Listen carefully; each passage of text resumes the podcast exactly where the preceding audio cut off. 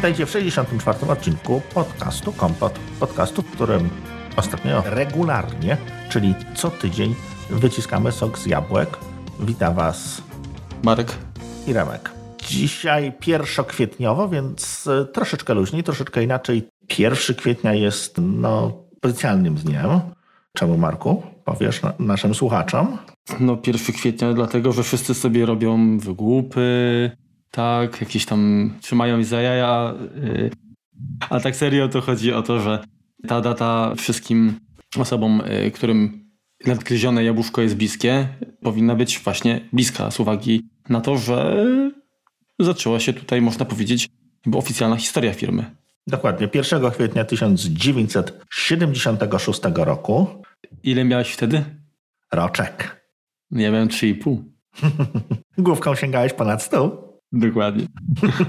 bez miesiąca, bez miesiąca dokładnie, prawie dokładnie rok. Tak, powstało Apple, czyli dwóch panów Steve'ów, Sonem Ronem Wayne'em. Ron, Ron Wayne, tak. Znaczy jest to Nie człowiek, Johnem, tak... ale Ronem. Tak. Natomiast pan Ron, Ronald, niczym John Wayne z, na wirtualnym koniu spieprzył po dwóch tygodniach i myślę, że żałuje tego ruchu do końca życia, bo byłby po prostu obrzydliwie bogatym człowiekiem, a skończyło się na tym, że chyba tam za 800 dolców sprzedał 10% udziału w firmie, które posiadał. Mhm. Także, no, jak widać, czasami warto wstrzymać konie i troszkę zaufać innym, nawet ryzykując powiedzmy jakieś tam swoje prywatne e, aktywa.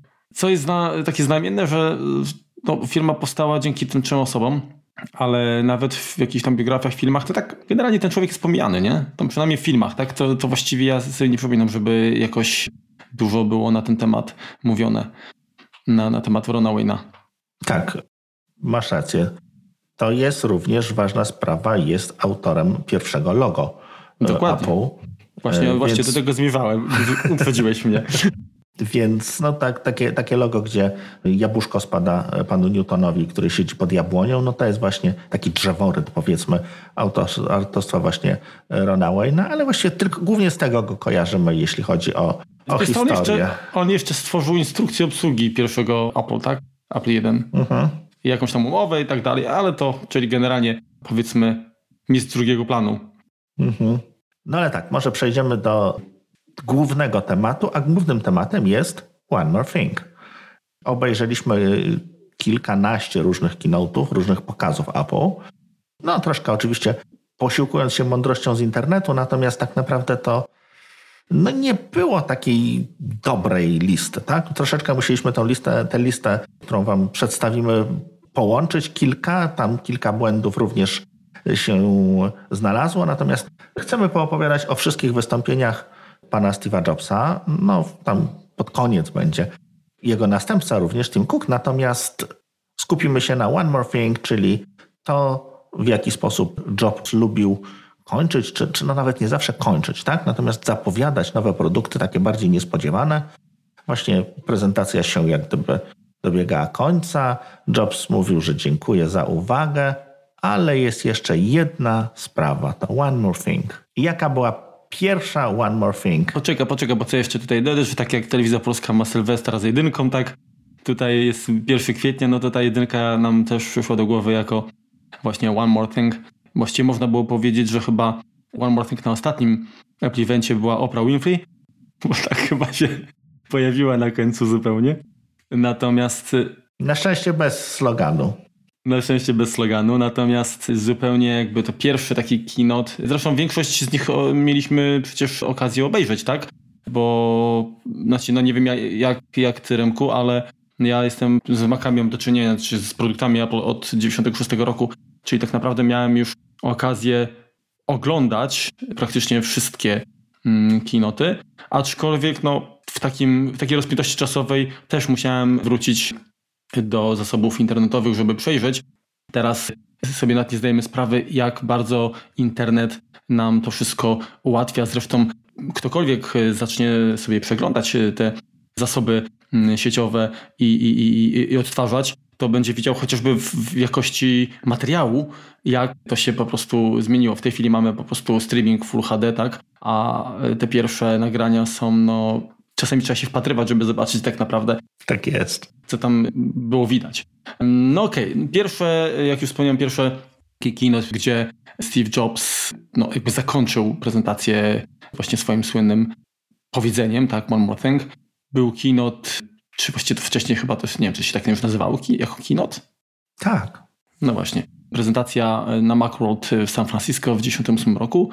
I tutaj tak naprawdę tym zaskoczeniem było to, że od, po wielu latach firma wróciła do rentowności, tak?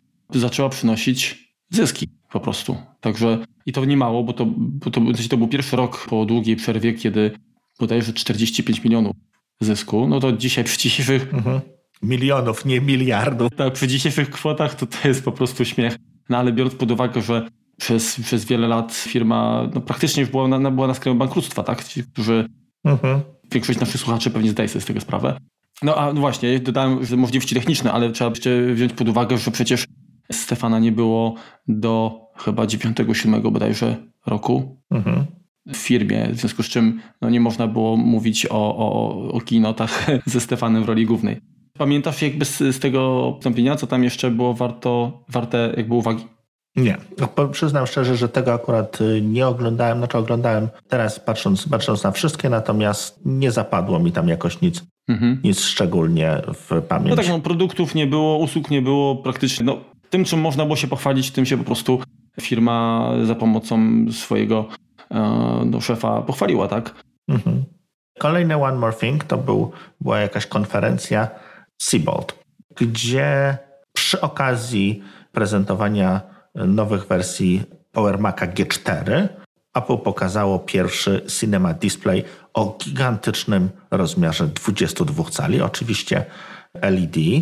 Fajne było również, znaczy symptomatyczne powiedzmy, było to, że co, Apple, co, co Jobs pokazał na, na tym ekranie, no to był wchodzący właśnie na ekrany kin Bugs Life, tak? czyli firm Pixarów, drugi film Pixara on wykorzystał po prostu prezentację do tego, żeby przy okazji no, podpromować swoją firmę, która no, starała się o, o jakieś tam zaistnienie wtedy jeszcze, tak? Pixar nie był wtedy y, taką marką jak teraz.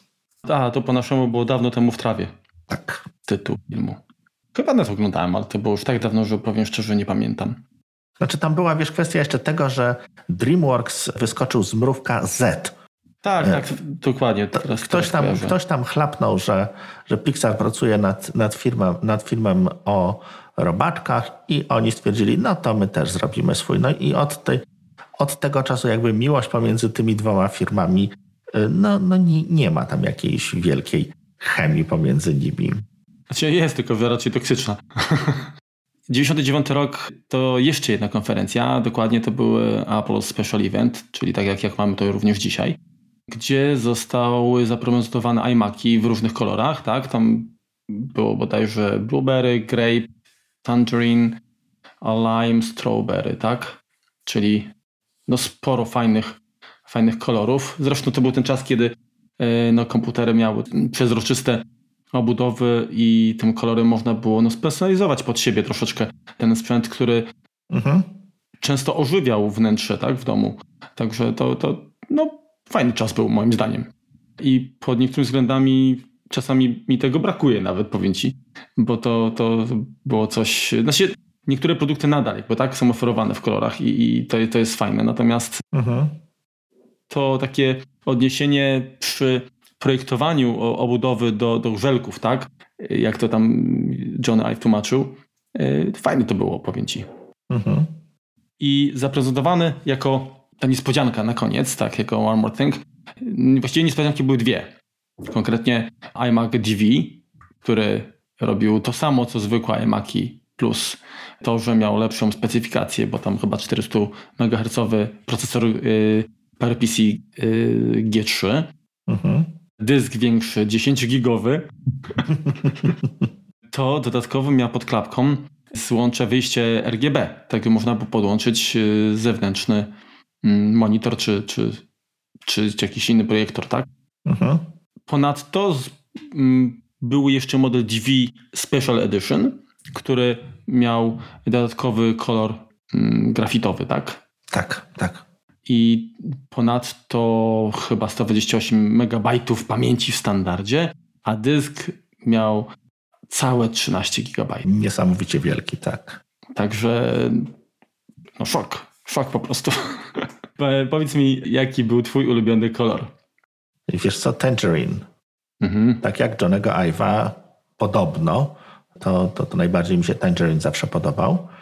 Chociaż nigdy takiego nie miałem. Tak? Wtedy jeszcze byłem zatwardziałym pececiarzem. Też fajnie się ogląda tą, tą prezentację i zwraca uwagę, jak bardzo Apple promowało wtedy gry. Mhm, mhm. Tak, bo to właściwie połowa tego keynote'a była poświęcona grom, jakiś Tomb Raiderom, innych te, tego typu rzeczom. Czegoś, w czym tak naprawdę no, nigdy nie byli dobrzy. Do dzisiaj właściwie, nawet po ostatniej konferencji yy, stwierdziliśmy, że no fajnie, Apple Arcade, ale hmm, jakoś nigdy im się to nie udawało, tak? Sceptycznie do tego podchodzimy.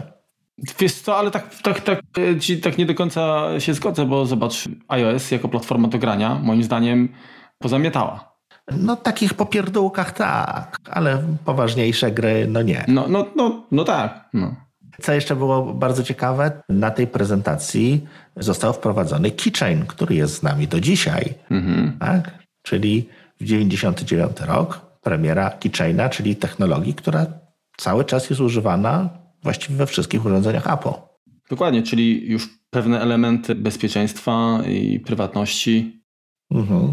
To, to nie jest jakby wynalazek i teraz wykorzystywany jako, jako taki leverage, jako taka karta przetargowa w, w zestawieniu z konkurencją, tylko tak naprawdę już, już wcześniej y, Apple się za to y, zabrało. Oczywiście no, na miarę swoich tam możliwości, tak? No i musimy wziąć pod uwagę, że jednak y, żyjemy w innych czasach, tak?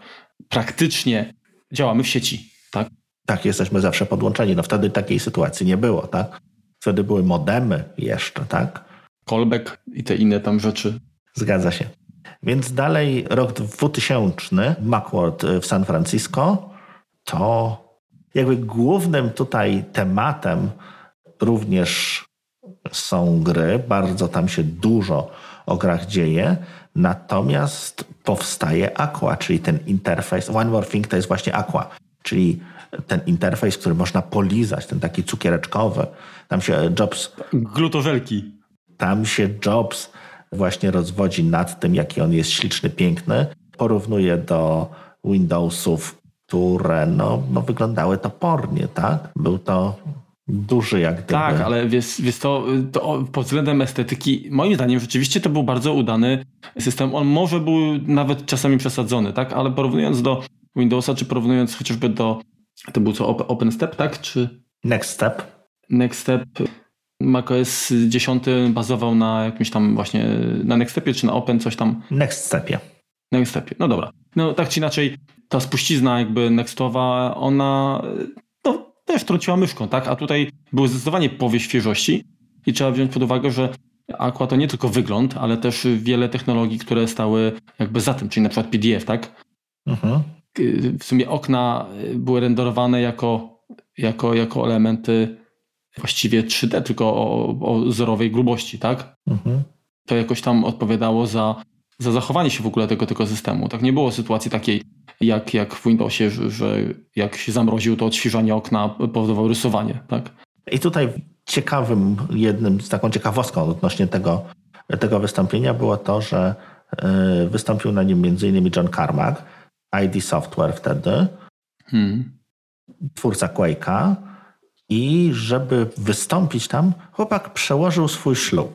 Więc Jobs tutaj ze sceny gratulował Karmakowi, dziękował małżonce właśnie za to, że jest takim fanatykiem Apple, że, że jest w stanie przełożyć własny ślub.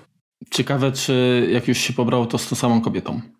No podobno właśnie tak. No to nie trwało chyba jakoś przesadnie długo później, natomiast tak. No i co jest jeszcze ważne, jeśli chodzi o ten konkretny Macworld, Jobs zostaje już prawdziwym CEO, tak? Nie interim, czyli nie tym tymczasowym CEO, tylko zostaje po prostu szefem firmy w pełnym wymiarze. Ze sceny twierdzi, że on sobie poradzi z Pixarem, poradzi sobie z Apple, podzieli w ten sposób czas, że obydwie spółki będą zadowolone. Aczkolwiek żartuje, że jeszcze na wizytówce sobie zostawi to iCEO, czyli tą literkę I, tak jak iMac właśnie. -hmm. No dobrze, idąc dalej, mamy prezentację Macworld w Nowym Jorku, też 2000 rok. I co tutaj się pojawiło jako ta niespodzianka? No, okazało się tak, że do tej pory, czyli znaczy po, po powrocie e, Stefana do firmy, e, linia produktowa została maksymalnie uproszczona, tak? Czyli były e, produkty dla użytkownika domowego, tak i dla profesjonalnego i każda linia była podzielona jeszcze na dwa segmenty, czyli mobilny i, i no, stacjonarny. Mhm. A natomiast pojawił się kolejny gracz, tak? I był tym, tym urządzeniem, tym komputerem był PowerMac G4 Cube.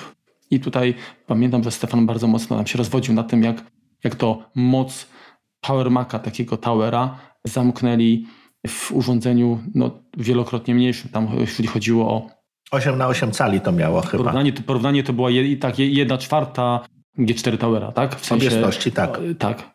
Także no bardzo, znaczy to, to jakby m, mm, warto pamiętać o tym, bo dojdziemy jeszcze dalej, jeszcze być podobna sytuacja.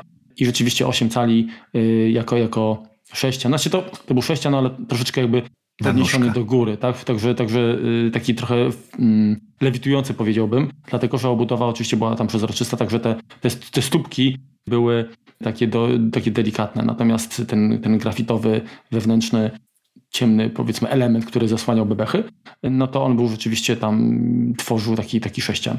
No to był czas, kiedy Johnny Ive lubował się właśnie w akrylu, mm -hmm. takim przezroczystym plastiku. No ten Cinema Display, który, o którym wspominaliśmy, czy iMac, no to były właśnie takie przezroczyste, półprzezroczyste. To były taki lekki, lekki właśnie design. Dokładnie.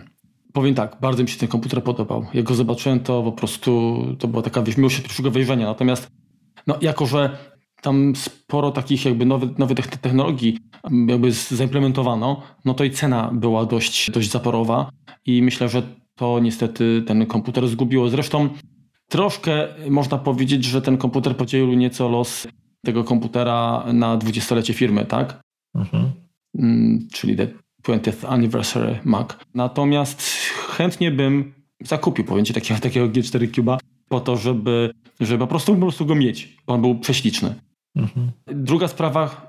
No miał problem z, przegrze z przegrzewaniem się, tak? Tak, był... właśnie o tym chciałem powiedzieć, że, że podobny, znaczy Apple jakby troszeczkę nie zawsze uczy się na swoich błędach, bo jak niedaleko sięgając, to śmietniczka też, jak się okazało, bo G4 Cube nie posiadał wentylatora, był pasywnie chłodzony. W śmietniczce zainstalowano tam już jakiś wentylator, ale ten, ten stworzony ten komin taki cieplny trójkątny tam wewnątrz, który miał niby sobie radzić, ale się okazało, że w podstawowej wersji te, te śmietniczki chyba sobie radziły rzeczywiście, natomiast te bardziej wypasione już chyba nie do końca. Także no niestety, no, no inaczej, y, nie, nie czyni, czy nie, nie robi błędów ten, który nic nie robi, tak? Y, ja zawsze szanowałem Apple za to, że mieli jaja zaryzykować, tak?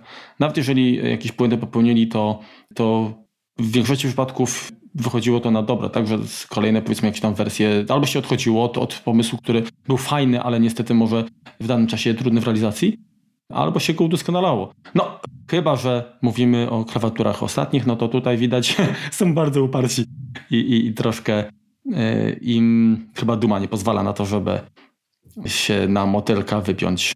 No też można powiedzieć, że ten G4 Cube był tak naprawdę protoplasą naszego Maca Mini, tak? No bo to jest... Mm, wiesz co... No podobna powiem... bryła, tak? W sensie wielkości, tak? Mm-hmm. No, natomiast... Uciekamy od wielkich komputerów, natomiast tak zupełnie inaczej zbudowany, oczywiście. Natomiast no, jakby znaczy, koncepcja... Chodzi mi, chodzi mi o to, że ja bym porównał może y, G4 Cube'a z y, Maciem Mini dzisiejszym. Natomiast Mac Mini, ten, który się pojawił zupełnie pierwszy, to miał być jako komputer entry level, czyli tutaj troszkę, troszkę jakby inaczej targetowany. Natomiast mhm. rzeczywiście pod, pod kątem jakby bryły i miniaturyzacji, to, to tak, to się zgodzę, że można byłoby tutaj postawić. Może nie, nie taki bezpośredni znak trudności, ale jakąś analogię.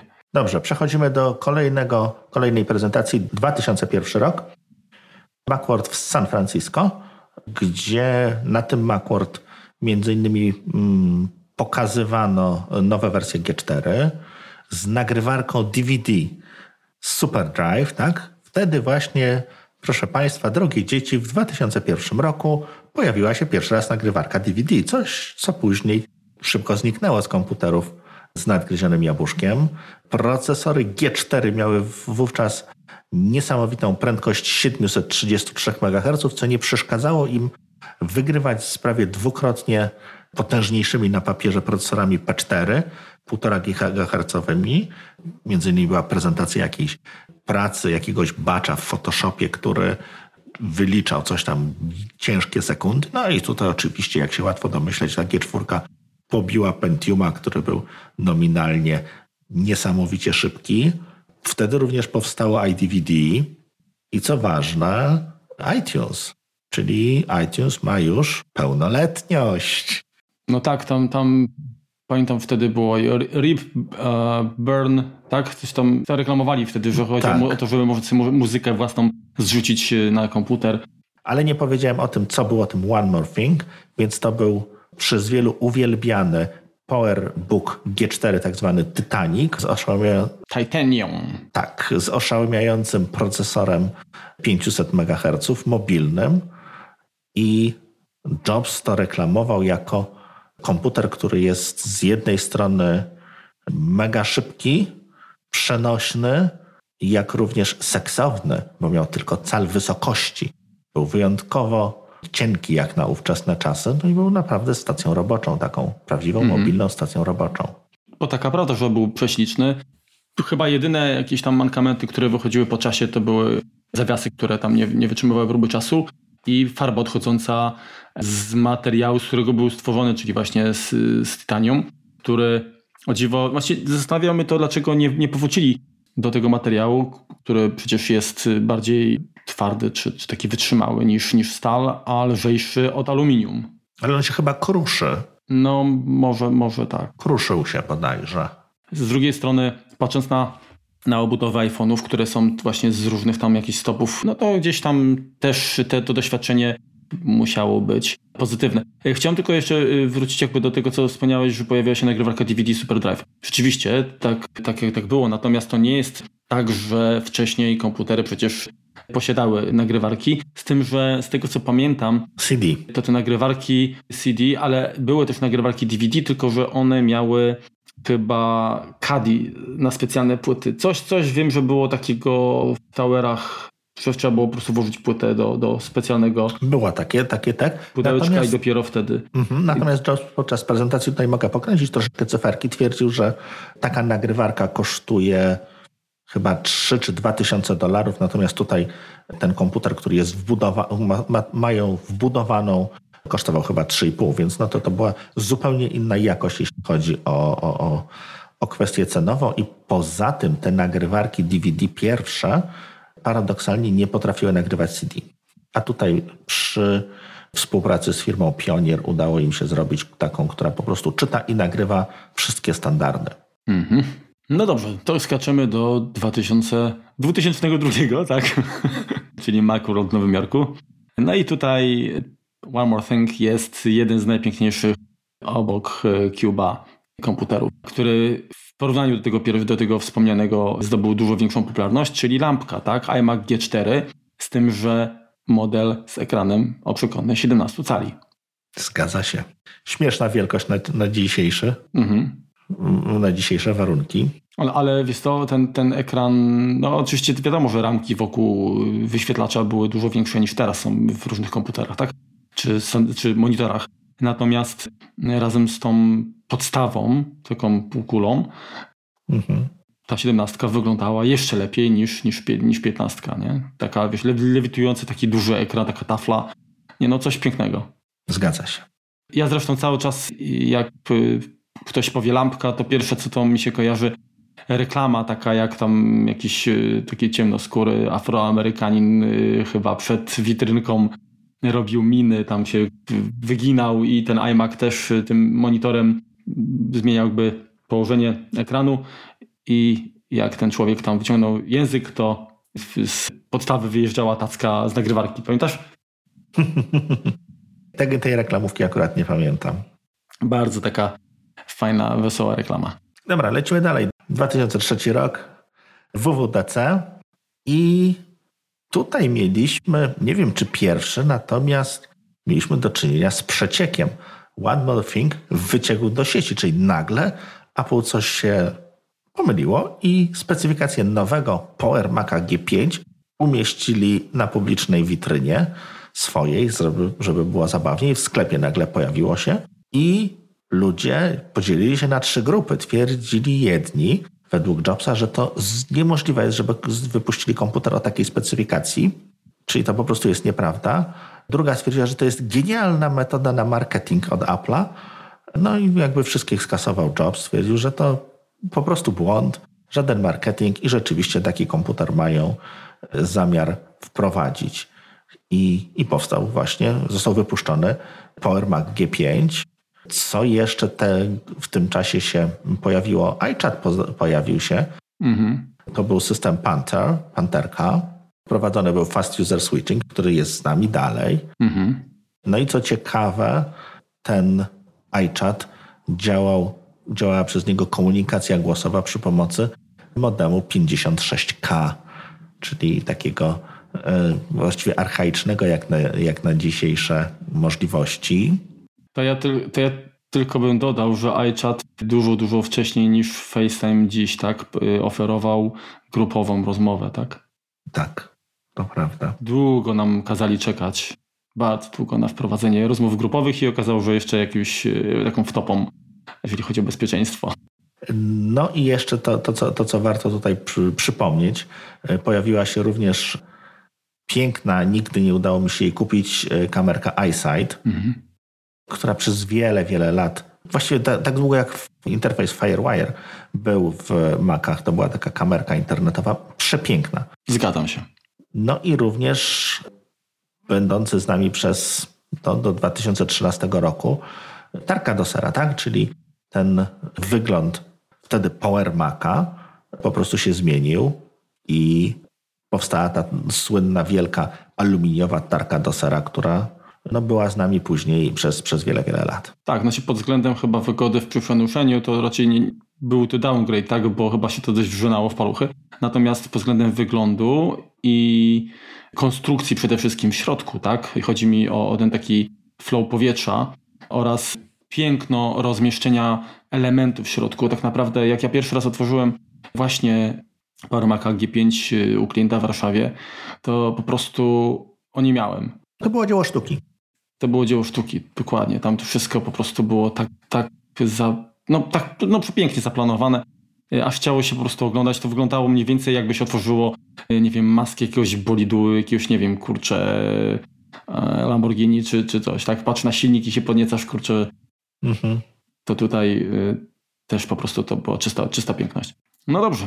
Niestety G5 Procesor G5 e, nie miał wersji właściwie mobilnej, także nie, da, nie nadawał się do y, komputerów przenośnych, dlatego w, również w 2003 roku na Macrodzie zaprezentowano PowerBooka G4, nie, nie G5, tylko nadal jakby G4, ale za to w zupełnie innej, w nieco innej jakby obudowie, tak? To był protoplasta dzisiejszego MacBooka, powiedziałbym, tak? Z ekranem 12-calowym, e, czyli PowerBook G4 12 cali, aluminiowy, co można dodać śliczny, mały, zgrabny, śliczny, jak e, sam Stefan wspominał, e, najmniejszy wówczas e, komputer przenośny, mniejszy nawet niż PowerBooki Duo, które kiedyś tam były w linii, w ofercie jakby firmy.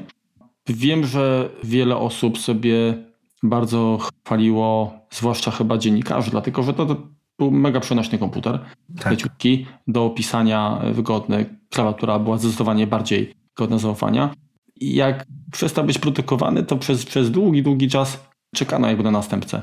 I tak naprawdę dopiero teraz, czy teraz, no jak parę lat temu, gdy pojawił się MacBook 12-calowy, to, to można, można uznać, że, że taki następca godny się pojawił. No zgadza się. Lecimy dalej. Kolejny rok, kolejny Macworld, kolejny One More Thing, czyli na konferencji, gdzie pokazano iLife i gdzie w wersji czwartej, gdzie zadebiutował GarageBand, który dalej jest z nami, pojawiło się kolorowy iPod mini. Jakby tutaj iPod mini został zaprezentowany jako taki, natomiast to One More Thing było to, że on po prostu występuje w wielu odmianach anodyzowanego aluminium. Mm -hmm. No dokładnie. Właściwie to, to była chyba jedyna wtedy rzecz taka taka niespodzianka na koniec prezentacji, tak? czyli te kolorki. kolorki. Mhm. Natomiast rok później, czyli na Macworld w 2005 roku, linia produktów, znaczy iPodów została poszerzona o iPoda Shuffle. Czyli pierwszy, pierwszy iPod bez wyświetlacza, mhm. bez prequela, jak takiego, takiego no, prawdziwego.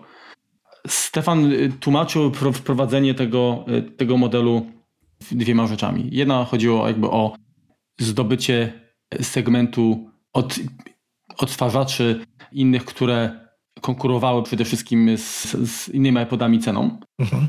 A druga sprawa to było to, że słuchacze rzekomo bardzo palili sobie mm, odsłuchanie muzyki y, z wykorzystaniem właśnie funkcji shuffle, czyli takiego Losowej. Y, losowego odtwarzania utworu. Mhm.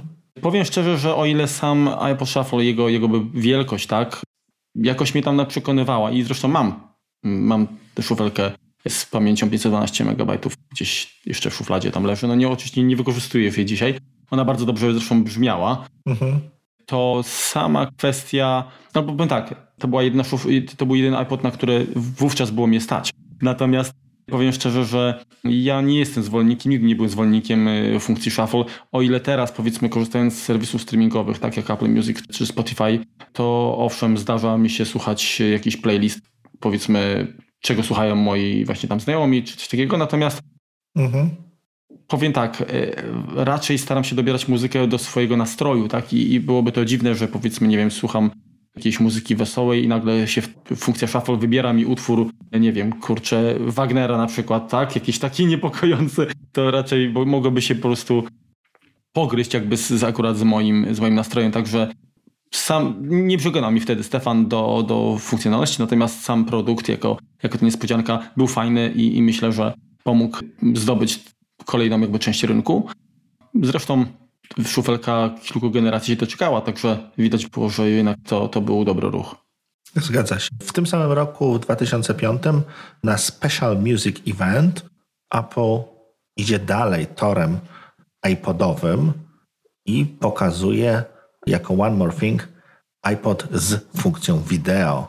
Coś, co tam chyba rok czy dwa lata wcześniej Jobs wyśmiewał, że kto by chciał oglądać filmy na takim małym ekranie, no to jednak się okazało, że jeżeli ktoś by chciał, no to Apple ma do tego produkt i no i na początku to były jakieś seriale, na początku to były jakieś tam teledyski, natomiast również i pełnowartościowe filmy się y, z czasem tam zaczęły pojawiać, ale to troszeczkę wyprzedzam, bo to było później. Natomiast to, co jeszcze jest warte zapamiętania z tej prezentacji, to jest dużą z niej część y, poświęcono promocji telefonu firmy Motorola. Mhm. Słynnego Rocker. Rocker. Rocker. Pierwszego telefonu, którym i ostatniego, bo był bardzo kiepski, tak naprawdę, zintegrowano iTunes, tak? Czyli można było na przykład grać na niego. Synchronizować. Mhm. Swoją muzykę.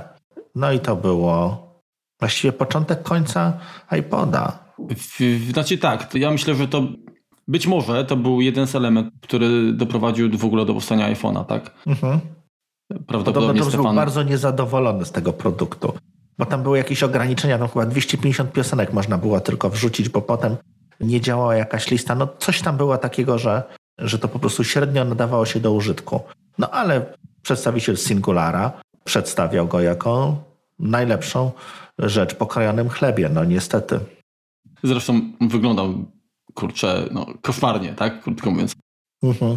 A powiedz mi, y, czy ten iPod z wideo to był, czy to był pierwszy, który miał w ogóle ekran kolorowy, czy, czy nie? Bo tego nie pamiętam. Chyba był najpierw foto. A, masz rację. Można masz było rację. zdjęcia oglądać, mm-hmm. natomiast on nie, nie umożliwiał odtwarzania filmów. To był bodajże iPod piątej generacji, czyli wideo. I powiem szczerze, to był pierwszy, który ja kupiłem, bo pierwszy, który tam była jakaś wersja 5,5 wyszła dość szybko w następnym roku, a ja właśnie kupiłem ten taki y, starszy model, był troszkę tańszy i to był mój, mój pierwszy iPod. Czyli ten iPod piątej generacji, tak? Tak. No to on też jest na jakby na liście odtwarzaczy właśnie iPodów, y, które mają, brzmią najlepiej, tak? Czyli mają chyba te układy Wolfsona bodajże tam i, i, mhm. i są takie, takie przez audiofili wręcz polecane i chyba często ludzie modyfikują, tak? Wymieniają pamięć, tam jakieś chyba karty Compact Flash wkładają zamiast tych dysków. Tak, tak. Także to życie urządzenia, które pewnie już dawno by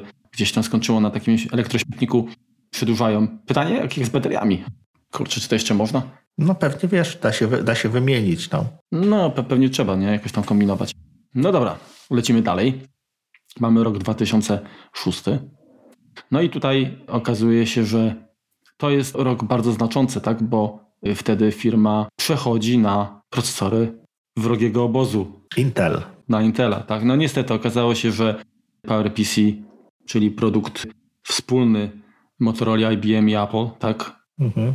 Znaczy, no przynajmniej jeżeli chodzi o założenia, tak? I jakieś tam projektowe, że nie daje rady, jeżeli chodzi o, o, o, o powiedzmy, do pewnego czasu dało się jakby mm, wyciskać jak, naj, jak najwięcej jakąś moc obliczeniową z procesorów, natomiast przestało to się sprawdzać i nie udało się stworzyć energooszczędnego procesora mobilnego.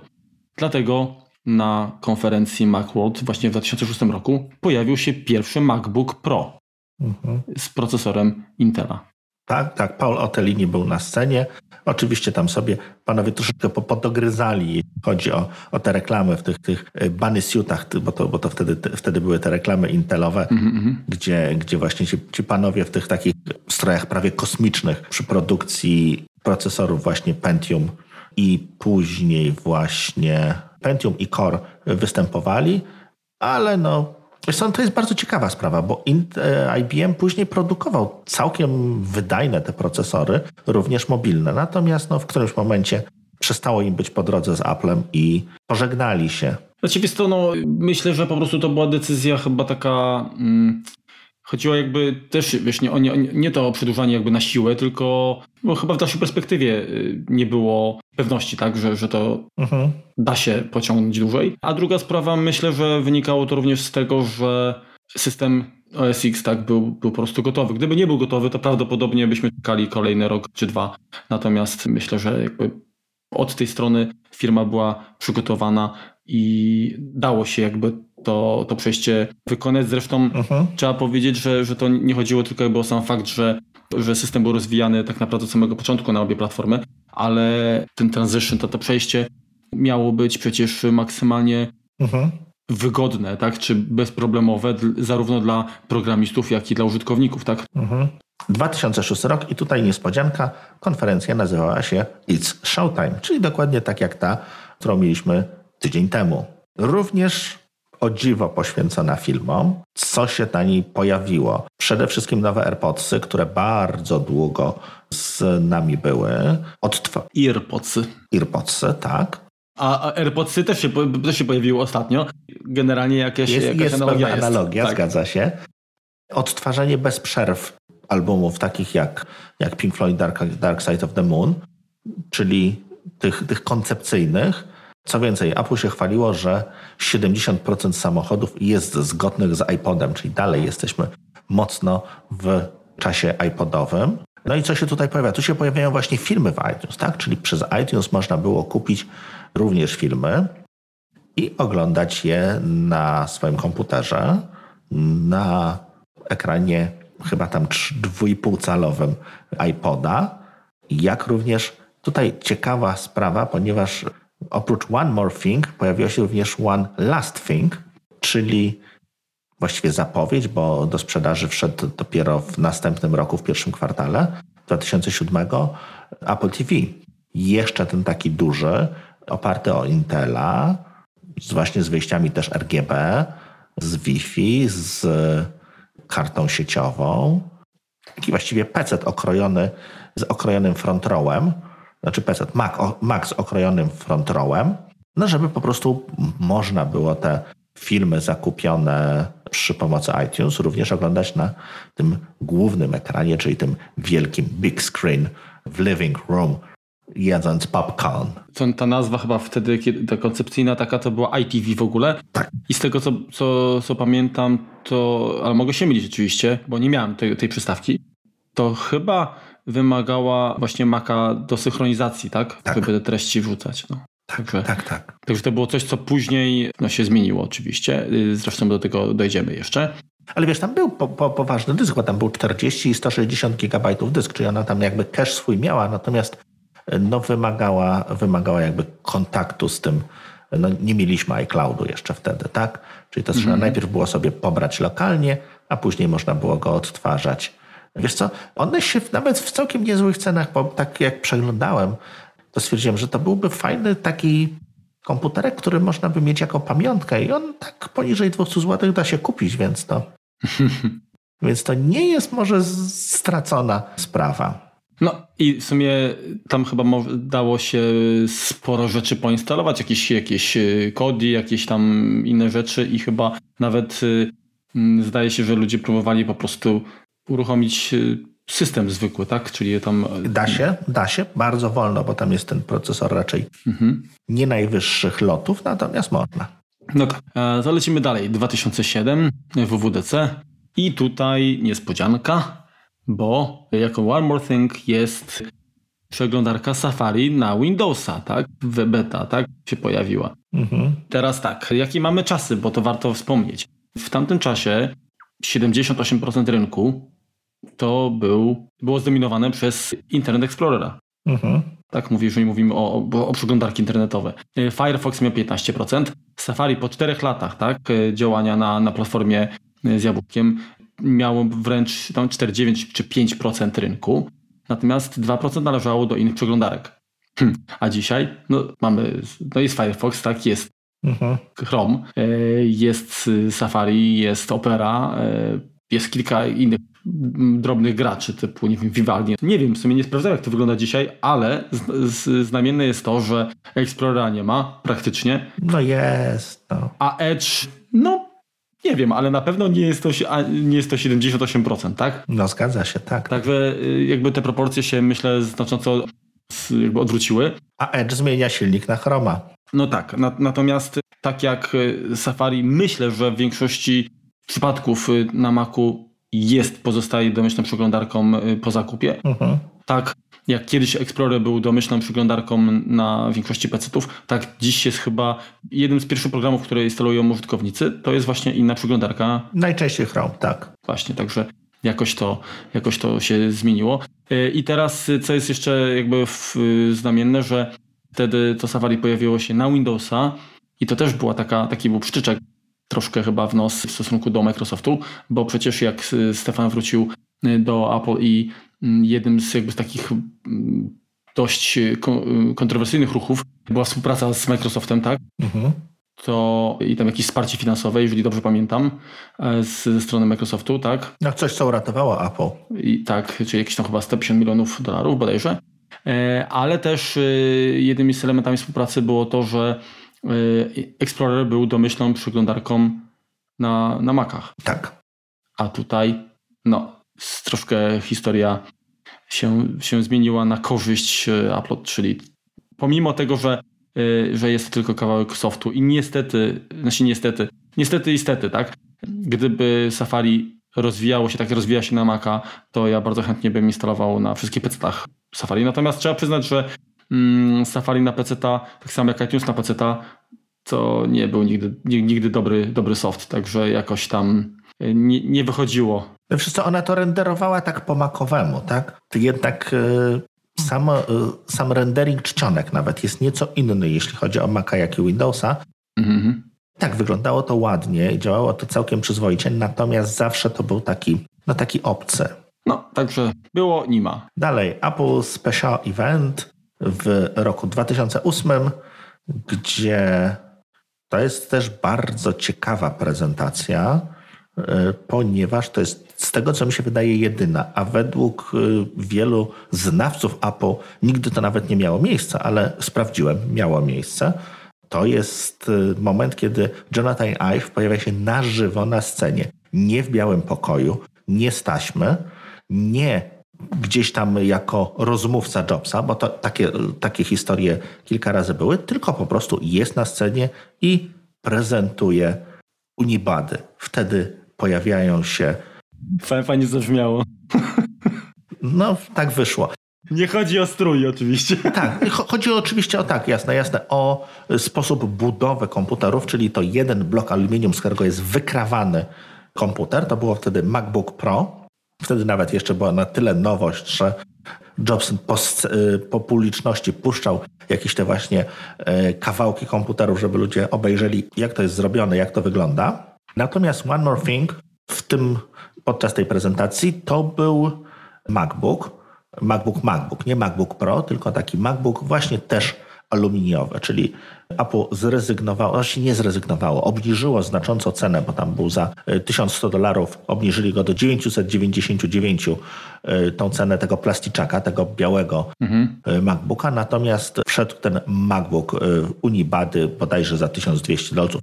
Ciuteńkę drożej, natomiast no, nowa jakość, nowa grubość i no, komputer, który pewnej, no oczywiście zmodyfikowanej przez lata formie, no jest z nami do dzisiaj, jako koncepcja. Powiem tak, ja, ja MacBooka tego plasticzka miałem. On podobnie jak, jak iBooki na przykład, tam G4, to, to był chyba poliwęglan, tak, bodajże. Mhm. I to się rysowało niestety tak strasznie. On był ładny, fajny i w ogóle pamiętam, że tam też były problemy z ekranem, w sensie, czy, czy nie, nie ekranem, przepraszam, stopcase'em, że on się uszkadzał od tych wystających elementów y, na ekranie. Jak się tam klapa dociskała, to po prostu tam się robiły jakieś pęknięcia. Także no niestety to nie było najlepsze rozwiązanie i faktycznie aluminiowa obudowa, no to było bardzo dobre posunięcie. Poza tym to do dziś jest, uważam, wzór dla konkurencji, tak? Bo nie ma co się ukrywać, te wszystkie plastyczki podstawowo to jest w ogóle żenada i tam jak, nie wiem, przenosisz kurczę komputer nawet, to on ci czeszczy w rękach. Mhm. A tutaj ten problem został totalnie wyeliminowany. Także raz, że i, i, chłodzenie, tak, no bo aluminium jako, jako metal y, gwarantuje bardzo dobre y, tutaj właściwości cieplne, to właśnie to spasowanie elementów, to, że nic nie czeszczy, po prostu taki minimalizm, taki no, przyjemny chłód też pod ręką, tak, krótko mówiąc. To jest coś, co ja po prostu kocham i cieszę się, że, że nie odchodzą jakby od tego, tak. Mhm. Nie wiem, jak to długo potrwa, ale na chwilę obecną cały czas y, to funkcjonuje i jak widać jest, było, była to decyzja wręcz ponadczasowa, powiedziałbym. Okay. Natomiast co do Iwa, to on się pojawia na scenie, ale, ale akurat na, na kinotach to rzeczywiście to było chyba jeden raz. Przynajmniej tak, tak y, in person, tak? Mhm. Bo w różnych tam wywiadach, w czerwonych skarpetkach tego tam widać, tak wiecie. No tak, ale ale z, wiemy z, z, kilku książek poświęconych Apple, poświęconych Ive'owi czy, czy właśnie Jobsowi, że to jest coś, czego on bardzo nie lubi. Nie lubi takich wystąpień publicznych. Mhm. Okej, okay. 2009, tak? Już, już się zbliżamy, się zbliżamy. No właściwie to jest 10 lat temu. Kolejny Apple Music Event. I tutaj pojawiło się jako właśnie niespodzianka, takie, takie, takie zakończenie, ta wisienka na torcie. Pojawił się iPod Nano. Mhm z kamerą i głośnikiem. I powiem szczerze, ja nie pamiętam tego. To było jedna z niewielu chyba prezentacji, gdzie albo po prostu, nie wiem, coś mnie rozproszyło, albo mm, jako, że sam może nie do końca... To był 2009 rok, ja już miałem iPhone'a, to chyba iPody po prostu mnie nie interesowały, bo jako odtwarzacz już mi służył telefon. Mhm. Natomiast powiem szczerze, że poza szufelką miałem iPoda Nano chyba czwartej generacji, natomiast y, tego Nano z, właśnie z, z kamerą wideo totalnie nie pamiętam. No ja go też chyba jakiś taki jeden się u mnie przewinął wśród dzieci, natomiast no to nie były, nie były to już jakby modele, które zapadały w pamięć. Znaczy to był taki model przejściowy chyba troszeczkę, bo później chyba Touch się pojawił tak? A nie wcześniej? Tak mi się coś kojarzy, ale jeżeli wcześniej, to w sumie, no może, nie będę się teraz wymączał. Natomiast hmm, chyba nie, nie, nie zdobył y, popularności. No zgadza się. Tutaj, tutaj to prawda. Dalej, 2010 rok, kolejna konferencja dla programistów WWDC i to był jeszcze taki czas, kiedy na WWDC pokazywano iPhony całe właściwie WWDC było poświęcone iPhone'owi czwartemu, który no był właściwie rewolucyjnym, tak? No bo wchodziła retina, zupełnie nowy design, stalowy, stal i szkło, no ponad, można powiedzieć, że ponadczasowy, tak? No bo czwarty 4S, 5, 5S, dopiero szóstka z tym, z tym zerwała. No i jak się teraz tak spojrzy na, yy, na aktualne iPhony 10, no to one sporo jednak y, czerpią z tej bryły, tak? Oczywiście nie ma przycisku Home, natomiast no, ta bryła bardzo mocno zapadła w pamięć, jeśli chodzi o znaczy, wiesz to według mnie te, te, te kanty takie, to bardziej się kojarzą z nowymi iPodami Pro. Masz rację, tak. Takie troszeczkę industrialne. No tak, co jeszcze? No to jest ten pierwszy iPhone, który wyciekł, tak? Bo, ponieważ został zagubiony gdzieś tam w barze. Tak. I Gizmodo, czyli taka redakcja, z, udało jej się go odkupić, zrobić zdjęcia i widać było, że Stefan jest mocno niepocieszony, że ktoś mu popsuł niespodziankę. Natomiast co było One More Thing? One More Thing był FaceTime, czyli połączenie wideo przy pomocy iPhone'a. I tam się również pojawia iPhone, z którym, z którym e, Stefan rozmawia. I co jest jeszcze ważne, co, co, co, się pojawiło pod tej, e, podczas tej prezentacji, to Jobs miał problemy z zasięgiem, tak? ponieważ było zbyt wiele sieci Wi-Fi. I tam też, jak się ogląda tą prezentację, to on w kilku momentach mówi, ale wyłączcie to, bo mi coś tutaj, nigdy mi tak nie skakało tutaj, iPhone mi skacze na ekranie, weźcie, wyłączajcie sieci Wi-Fi, bo, bo to tak się nie da pracować. No, Mhm. To też właśnie fragment, który zapisał się w historii.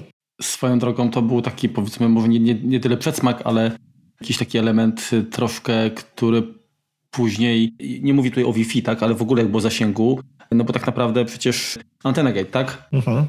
Y, w tym przy okazji iPhone'a 4, jak powiem, wyszła taki i darmowe bumpery jako jako, jako sposób na e, jakby rozwiązanie problemu. A macie, za, wypchajcie się. Dokładnie. Źle to źle trzymacie, to macie tutaj tak. bumperki. Także tam chyba w ogóle to był jeszcze ten czas, gdzie jedną z usług, którą próbowała Apple troszkę sterować rynkiem reklamy właśnie była iAds, tak? Tak. Chyba to już, to już umarło, wydaje mi się. Mhm. Szkoda? Hmm.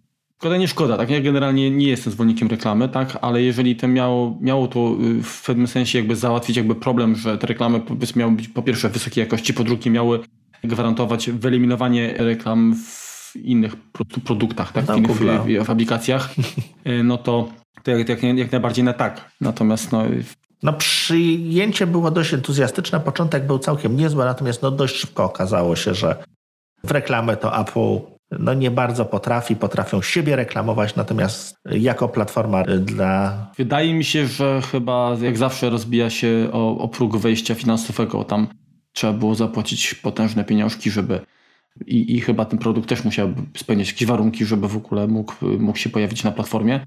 I to troszkę daje mi do myślenia w temacie magazynów, które w News Plus mhm. mają się pojawiać. Czy to nie będzie troszkę sumienny zapał jednak?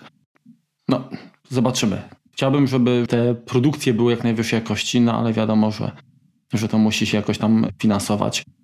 Także czas pokaże. No dobrze. E, to 2010 to był bardzo obfity rok, bo. One more thing. Tak, bo pojawiło się na Apple Music Evencie, który stał się taką tradycją troszkę. Pojawiło się Apple TV z iOS-em. I tutaj chciałbym właśnie wrócić do tego, że o ile pierwsza generacja Apple TV była takim, takim naleśnikiem, takim plackiem dość dużym, to Apple TV, które już jako platformę miało system iOS, miało ten, ten powiedzmy footprint 1 czwartą wielkości pierwszej generacji. Czyli mhm. podobnie jak w przypadku Cube'a, który, który był 1 czwartą z boku patrząc Power Maca G4, tutaj też mniej więcej jakby podobne proporcje jakby zostały zachowane przy pomniejszaniu. I to już była przystawka chyba tam też tańsza. I chociaż Stefan mówił, że to nie tyle jest One More Thing, a One More Hobby, e, czyli nadal jakby nie, nie wiązali z tą platformą, może nie to, że dużych nadziei, ale wiedzieli, że to jeszcze nie, nie jest ten czas, żeby no to nie był osobny kawałek torcika Żeby tutaj pokładać, tak. Mhm. No to jednak stwierdzili, że warto jakby iść w tym kierunku. I to Powiem tak, y, to była druga generacja. Ja, ja zakupiłem Apple TV dopiero trzeciej generacji. Ja również, kiedy weszło Full HD. Mhm, dokładnie. No i później y, Apple TV 4. Także 4K nie mam tak samo jak i ty. Zgadza się. Dalej jesteśmy w tym samym roku, 2010, Back to the Mac, czyli Apple zauważyło, że zbyt dużo jakby miłości, którą pokazują na zewnątrz, skierowana jest do urządzeń z iOS-em, do iPhone'a, więc część z tych nowości, część tego, za co ludzie lubili właśnie iPhony, iPady, wraca z powrotem do, do Maców. Pojawia się macOS Lion, pojawia się Mac App Store, iLife w wersji 11 i to jest chyba pierwsza albo jedna z pierwszych prezentacji, gdzie występuje Crick Federiki, Air Force One. I tutaj jeszcze widać, że facet jest rzeczywiście zestresowany. Tutaj ręce mu drżą, ta myszka ledwo, ledwo w rękach się trzyma. Natomiast co było One More Thing? MacBook Air oparty tylko i wyłącznie o dyski flash. Czyli to będzie druga generacja MacBooka Air. To nie jest to słynne wyjęcie z koperty, to jest potem. No i to jest dalej no, protoplasta wszystkich komputerów przenośnych, które Apple sprzedaje do dziś. Tak? Pożegnaliśmy się z dyskami zwykłymi HDD. A, a pamiętasz, czy tam w tym pierwszym MacBooku R, czy tam były dyski 1,8 cala takie jak w iPodach, czy 2,5 calowe? Tak. 1,8, tak? No. 1,8, tak, tak, tak. Mhm. Lub flash. Były dwie wersje. Mhm. Natomiast to flashowa to już w ogóle trzeba było nerkę dołożyć. Natomiast tak, tutaj mamy właśnie flashowy, no i, no i ta Buda była z nami dość długo, tak? Ten form factor był bardzo długo zachowany. Właściwie ponadczasowy komputer. Tak. Powiem tak, faktycznie do odświeżenia y, w tym roku, tak, gdzie dostały retinę. Mhm. Y, no ni niestety właśnie ten ekran był elementem, który tak jakby zniechęca, natomiast te zalety, które jakby Stefan przekazywał, które jakby powodowały, że to Back to My Maci ma, ma, ma jakby rację bytu, to jest to, że urządzenia z iOS-em oferowały długi czas pracy na baterii, długi czas pracy jakby gotowości. Hibernacji, tak. Były gotowe do, do pracy właściwie od razu, tak, czyli wybudzane szybciutko. I to wszystko y, gwarantował właśnie MacBook Air y, z dyskiem flashowym. I powiem tak, czas pracy na baterii zawsze w tym komputerze po prostu mnie y, rozwalał, mówię w takim pozytywnym aspekcie. Mhm. I to było zawsze coś, plus ta waga, wielkość, za czym zawsze jakby no, tęskniłem nawet teraz, znaczy po zakupie MacBooka 15, który oczywiście miał wiele innych zalet i tak dalej, no to gdzieś tam jak miałem do czynienia z, z MacBookiem Air, to, to jakoś tam serduszko mi szybciej biło. Też jest y, śmieszne tutaj było to, w jaki sposób Jobs opowiadał, skąd powstał w ogóle pomysł na powstanie tego, tego komputera, jakim, jakim był MacBook Air. Stwierdził, że to taki jakby, jakby MacBook z iPadem postanowiły mieć dziecko. Dokładnie, coś, coś w tym jest. Okej, okay. kolejna prezentacja to już jest 2011 rok WWDC. I tutaj e, one more thing jest funkcja iTunesa, usługa iTunes Match. Powiem tak, na czym tak by ta usługa polegała? Polegała na tym, że można było zsynchronizować, czy by porównać bibliotekę, czy na fonotekę y, utworów, które posiada się na komputerze. To niestety trwało troszkę, w zależności od łącza i powodowało to, że jakby utwory, które były w sklepie iTunes i które mieliśmy na dysku, to można było odtwarzać w lepszej jakości, tak? Czyli jeżeli mieliśmy powiedzmy zripowany utwór, powiedzmy, nie wiem, Metallic Enter Sandman w 64 kilobitach, to i okazało się, że ten y, utwór z tej płyty znajduje się w zasobach y, iTunes, to mieliśmy możliwość odtwarzania go w lepszej jakości, tak? Takiej jakości, jaka normalnie była do, do, dostępna mhm. w sklepie. Natomiast y, pozostałe utwory, które nie, nie były dostępne, były uploadowane, tak wysyłane do, do chmury i pozwalało to jakby odtwarzać, czyli mieć w chmurze bibliotekę naszych utworów, wszystkich ulubionych, dostępną jakby z różnych urządzeń. To wiązało się z opłatą roczną. Miesięczną bodajże, czy roczną, już nie pamiętam, roczną. 25 chyba dolarów chyba rocznie, coś tak. takiego, jeżeli dobrze pamiętam. Ja się skusiłem na to i to faktycznie było fajne. Poza tym, że jeżeli mieliśmy źle opisane utwory na przykład, albo w iTunesie mieli problem z rozpoznaniem utworów, to ta biblioteka się po prostu rozjeżdżała. Był totalny bałagan i trzeba było później no, troszkę przysiąść, albo w, najlepiej wcześniej, tak? I dobrze jakby opisać, bo jak pamiętamy, często było tak, że tagi ID3 zawierały błędne informacje, po prostu utwór był jakiś tam opisany. Co prawda w iTunesie już oczywiście to szło nad tym zapanować, natomiast y, nie zmienia to faktu, że moja fonoteka była dość sporo przetrzebiona po takim dopasowaniu. Widzisz, to ja akurat z tym nigdy nie miałem problemu. Przez wiele lat tego używałem i byłem zadowolony. Natomiast rzeczywiście plus był taki, że faktycznie jakość jakby tej muzyki no, była lepsza, bo, tak, bo wtedy się ripowało, nie ripowało się przecież do, y, rzadko kto, y, nie wiem, ripował do, nie wiem, bezstratnych formatów. Mhm. No to zawsze te MP3 powiedzmy raz się były średniej jakości, a muzyka C w, w iTunesie oferowała dużo jakby lepszą, dużo lepsze parametry, tak? Zgadza się.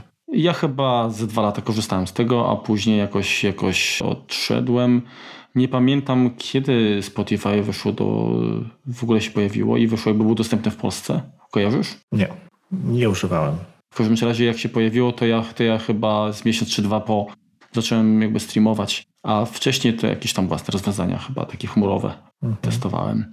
No i co jeszcze ważne, jeśli chodzi o tą prezentację, jest to niestety ostatnie WWTC, ostatnie One More Thing Steve'a Jobsa. Mhm, tak. Znaczy on jeszcze wtedy, on się zrzekł tak wtedy, wtedy już, y, już, już. Tak. Bo czekaj, to było w 2011. W miesiącu? Tak, tak, ale w jakim miesiącu? Czerwiec. Było? Jak to WWDC? Czerwiec, no tak, a, a w październiku przecież, tak? Tak. A odszedł. No więc też no tak, to, smutniejszy to akcent. Mhm. Zgadza się. No i do następnego One More Thing musieliśmy poczekać 3 lata. I dobrze, tak naprawdę, bo One More Thing powinno być czymś specjalnym i, i, i dobrze, że Apple tak naprawdę nie szafuje z tym, tym jakoś, jakoś za bardzo i rzeczywiście używa dalej jako no, pewnego uhonorowania Jobsa, przynajmniej tak mi się wydaje. No więc 2014 rok, tym One More Thing, które pokazał Tim Cook, był Apple Watch. Podejrzewam, że możecie kojarzyć ten, tą prezentację z pokazania iPhone'a 6, który był no, zmianą bryły, która, która, tej, która przez, przez parę lat była z nami, iPhone'a 4, 5. No ale głównie to zapadło w historię jako ten taki najbardziej taki dziwny gest, czyli to zetknięcie palców Bono i Tima właśnie i wgranie wszystkim na telefony albumu YouTube. Faktycznie pan. To, to, to nie był jakby chwalebny moment w historii Apple. Wiesz co, jeżeli chodzi tak o iPhone 6, to powiem szczerze tak, dla mnie to jest taki model trochę taka, taka wtopa jak, jak iPad trzeci. Dlaczego? Dlatego, że oferował jakby parę rzeczy więcej, w sensie większym przekątną i tak dalej, ale bo tam procesor był taki sam jak, jak, jak w 5S przecież, tak? Nie. Nie? Nie. No ale nie był znacząco szybszy. No. Także taki, taki sobie. Natomiast rzeczywiście jakby ta zmiana ekranu no to, to, to był no bryły, tak? Bo mhm. bryła nawiązywała troszeczkę chyba do pierwszego iPhone'a. Mhm. Te już te obłości, tak? Zresztą była, y, ten, ten kształt bardzo pasował do Apple Watcha, które też przecież ma takie, takie obłe. Tak. Właśnie mm, taką fizjonomię.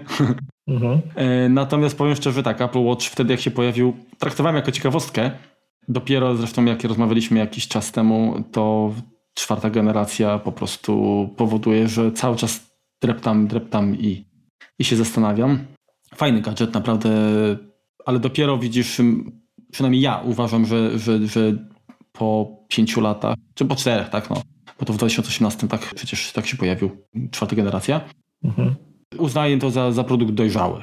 No wiesz, ja akurat, no, jak tylko można było kupić, to pojechałem do Berlina i takowy kupiłem. Zresztą ja byłem na zegarek bardzo, bardzo napalony, bo od e, premiery iPoda Nano, takiego klipsiku, mhm. ja go używałem jako zegarka. Miałem, miałem jakieś tam etui kiedyś, kiedyś kupione i tak, gadżet, gadżet musiał być. Bardzo, bardzo go lubiłem. No i dalej gdzieś tam, gdzieś tam codziennie go używam. A tak właśnie, jak już jesteśmy przy tym temacie, yy, udało Ci się aktywować ECG? Nie. A... Trzeba odwiedzić, trzeba przejechać przez Odrę podobno. Hurra! Czyli ani ECG nie działa, ani, ani ESIM. Polska, mieszkam w Polsce. No i ostatnie, Marku, kończ właśnie. No, kończę, wstydu oszczędzę. 2017 rok, czyli całkiem niedawno. Ostatni One More Thing. To było nie mniej więcej tylko redefined iPhone, czyli iPhone 10. Czyli 10, czyli X. 10, czyli X. No cóż, cóż, cóż dodać. Myślę, że o nim nie ma co się rozgadywać, bo każdy go widział, większość z Was pewnie go posiada. No co, no, no fajny, tak? No przełomowy pod względem chociażby sposobu interakcji, tak? Face ID. Mhm. teoretycznie bezramkowy, no gdzieś tam ta ramka jest oczywiście, także to tak trochę naciągane moim zdaniem. Sympatyczny, fajny. Ja czekam na troszkę lżejszą wersję. Tak naprawdę, gdybym taki powiedzmy bezramkowy iPhone 7 by się pojawił, to byłoby coś dla mnie. Ty masz, y, kupiłeś, tak? Tak, Dziesiątkę tak, tak. Dziesiątkę używam, używam go od No. półtorej roku, jestem cały czas zadowolony. A tak w kwestii takiej formalnej, jak bateria? Dziękuję, w porządku. Jeśli chodzi o baterię, wytrzymuje mi cały dzień przy moim użytkowaniu, co nie jest oczywiste niestety. No dobrze, no to właściwie y, przelecieliśmy kinoty, które przynajmniej kończyły się One More Thing. Można przyjąć, że właściwie większość tych y, niespodzianek, które się pojawiały, to jednak były rozwiązania sprzętowe. Tak. Kolejna sprawa to wydaje mi się, że wiele z nich to były również pewnego rodzaju takie manifestacje podejścia Apple do elektroniki, tak? Chodzi mi tutaj o, o takie rzeczy jak na przykład G4 Cube, czy MacBook, MacBook Unibody, czy właśnie Apple Watch, gdzie dostajemy produkty, które są w pewnym sensie no, wyjątkowe, tak? Mhm. gdzie jest duży nacisk, nie wiem, na wzornictwo, na, na, na to, jak, jak jest user experience, gdzie są jakieś, nie wiem, śmiałe ruchy odnośnie, nie wiem, właśnie wzornictwa. Także, no, jakby tak spojrzeć, to całe, wszystkie w ogóle te prezentacje, one zawierały przecież dużo, dużo fajnych informacji, natomiast te, te wisienki na torcie w większości przypadków by- były naprawdę fajne, tak, no, Mhm. chyba naj, najmniej to bym się jarał tutaj kolorami iPoda mini, tak? No bo to jest troszkę wstyd jakby. Yy, jakby mało, mało, mało ciekawego, tak? Mhm. Chyba było wtedy do, do pokazania i to tak, taka troszeczkę no, tarcie łez, yy, taki dodatek. No ale Natomiast pamiętajmy, że to było jeszcze wtedy, kiedy Apple nie decydowało, kiedy będzie konferencja, kiedy będzie keynote, bo to po prostu był, było przy okazji y, Macworld, które odby, odbywało Tak, się tak, cyklicznie i czy chcieli, czy nie chcieli, musieli coś po prostu pokazać. No właśnie, bo to czyli w 2006 chyba był ostatni Macworld, tak? Widać z tego. I potem zaczęli już działać po swojemu. No coś takiego. Teraz jak już mają taczyk, to, to już w ogóle tego problemu nie ma. No dobra, to kończymy, tak? Bo jak już tutaj Remek obiecał na początku, odcinek będzie krótszy. A nie krótszy, będzie. Nie wiadomo jak wyszło. no to tyle. To co jeszcze, Remku, jakby na zakończenie masz tego? Bo to zawsze mi przerywasz. Jak ja chcę kończyć, to mi przerywasz, także ja, ja oddaję ci głos teraz. Nie, ja właśnie chciałem kończyć, bo tutaj trzeba złożyć odcinek jeszcze będzie na 1 kwietnia, żebyście, żebyście mieli go i mogli odsłuchać zgodnie. Także was nie wyrolujemy. Dostaniecie po prostu pełnoprawny podcast. Mhm. Wszystko jak zwykle na mojej głowie. Marek obiecuje, Remek robi, no. Jaki podział jest. Jak jest sprawiedliwość. Dobra, Grunt to dobra motywacja. do usłyszenia za tydzień. Trzymajcie się. Trzymajcie się. Cześć. Tak. Powiedz coś jeszcze. No, tak mówię, jak mnie słuchać. Do dupy. Jesteś, jakby ci ktoś jajka ściskał i madłem i pierdzi. Mogę, mogę czy jeszcze coś chcesz? Nie, nie, nie. Znaczy ja tutaj No. to wszystko właściwie. Pokazać, jak bardzo Apple pokazało się już wtedy. Dobra, Czy nie, przepraszam, ja poprosiłem teraz. Okej, wytniesz. dobra, przy, przytnę to. Więc y, wystawiłem środkowy palec i tyle. Czy masz w tej sieci, która wspiera? Nie, sieć nie jest ważna. eSIM jest ważny dla sieci. ECG nie. Mhm. ECG można uruchomić na O Jezu, każdym. przepraszam, prze, przepraszam, ale pojechałem teraz. Kurde. Wytnę. Faktycznie, bo dwie rzeczy naraz widzisz. No. To jest tak, jak cię chcę zrobić I żadna no, nie działa. Szczytuje przy 95. w ustawieniach. Mhm. No to nieźle, to nieźle.